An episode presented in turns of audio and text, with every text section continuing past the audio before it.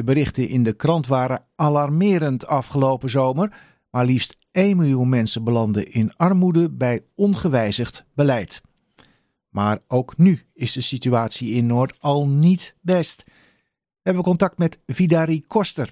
Zij is initiatiefnemer van een van de voedseluitgiftepunten die, naast de voedselbank zelf, Noorderlingen ondersteunen. Mevrouw Koster, goedemiddag. Goedemiddag.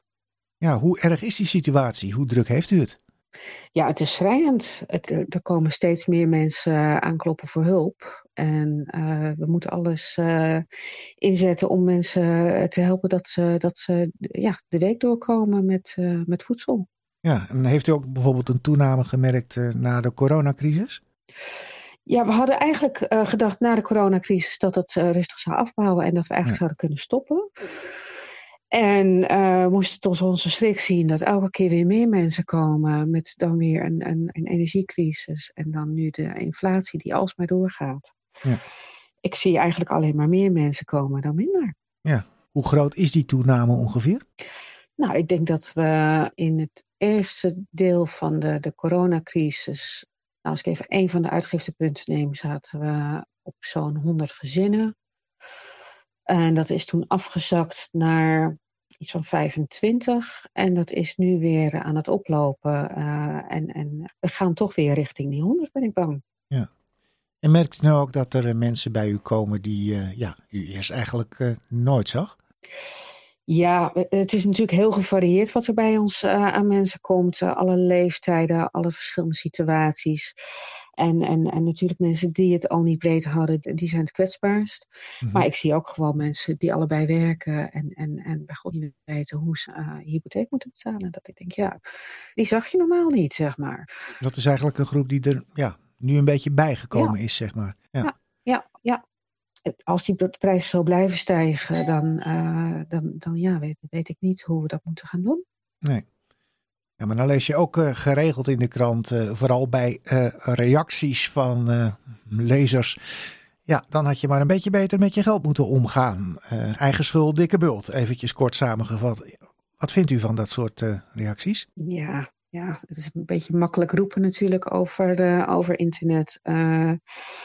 Ga eens even een, een, week in iemands schoenen lopen. En als je je kinderen niet met behoorlijk ontbijten of fruit naar school kan sturen en dat je alles al hebt geprobeerd om te bezuinigen. En, en dan kijken of je nog zo stoer kan praten. Ja. Maar goed, lukt het u nog om iedereen uh, ja, eigenlijk uh, van het benodigde voedsel te voorzien?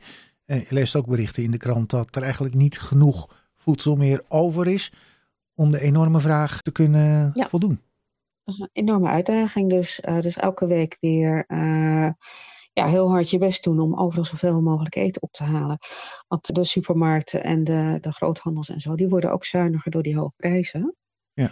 Uh, waardoor er gewoon minder, uh, minder beschikbaar is. Dus dat, uh, ja, soms zit het mee, soms zit het tegen. Maar dan, dan, ja, dan krijgt iedereen minder mee als het tegenvalt. Ja. ja. Betekent het ook dat mensen gewoon niet meer mee kunnen krijgen wat ze eigenlijk nodig hebben? Ja, dan ja, wat er is, is er. En wat er niet is, kunnen we niet uitdelen. Dus ja. dat, dat, is ook de harde realiteit soms. Ja. En ondertussen lezen we in de landelijke media ook dat uh, Nederland de komende vijf jaar er 200.000 miljonairs bij krijgt. Wat vindt u van die situatie als u dit dan zo beschrijft? Ja, dat is natuurlijk een, een, een gigantisch contrast. Ja, ik hoop dat zij uh, voedsel of geld willen doneren voor de mensen die het nodig hebben. Want dit is natuurlijk niet in verhouding. Ja, merkt u al de eerste hoopvolle signalen in dat opzicht? Nou, ze hebben zich nog niet gemeld. Maar, oh, okay. Kom maar op. ja. ja, en het uh, stadsdeel, kan die daar dan ook uh, wat aan doen? Uh, aan de situatie zoals die nu specifiek in Noord is? Ja, we hebben heel goed contact met stadsdeel en ook de centrale stad. dat, dat was begonnen in coronatijd al. die, die ondersteunen ons heel goed. Als je kijkt, ook er is een, een voedselstrategie van hoe kun je gezond eten betaalbaar en bereikbaar houden voor, voor de Amsterdammers. Uh, dus daar hebben we een hele goede samenwerking mee. Dat ja, maar behalve een strategie, wat doen ze concreet? Um, nou, er is in, in coronatijd is er heel veel gedaan om mensen voedselpakketten te geven. Mm -hmm. En ja, dat proberen we nu op een andere manier vorm te geven. Maar we proberen zoveel mogelijk door te gaan om, om mensen te helpen die dit nodig hebben. Met hulp concreet van het stadsdeel? Met hulp van het stadsdeel en, en de gemeente Amsterdam. Ja. ja. Maar goed, mensen hebben vaak ook onderliggende problemen. Ze komen niet uh, voor niks uh, bij u langs. Kunt u ook nog wat voor die mensen doen? Waar kunt u die mensen naartoe verwijzen? Ja, het is, vaak hebben mensen zo'n complexe situatie dat, dat kun je ook niet zo 1, 2, 3 uh, helpen. Uh, mensen kunnen sowieso terecht bij het buurtteam of bij Huis van de Wijk. En soms zijn mensen een beetje argwanend, zeg maar, of, of hebben uh, ja, een angst van ja, dan moet je je bankafschriften laten zien en zo. Maar je kunt gewoon bij het spreekuur langs en dan kun je ook anoniem een vraag stellen zonder dat je gelijk uh, je, je privacy opgeeft, zeg maar.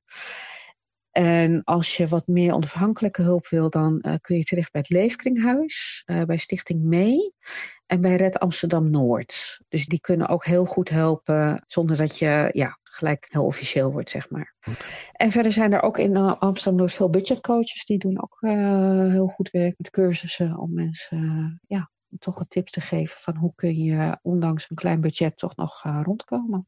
Goed.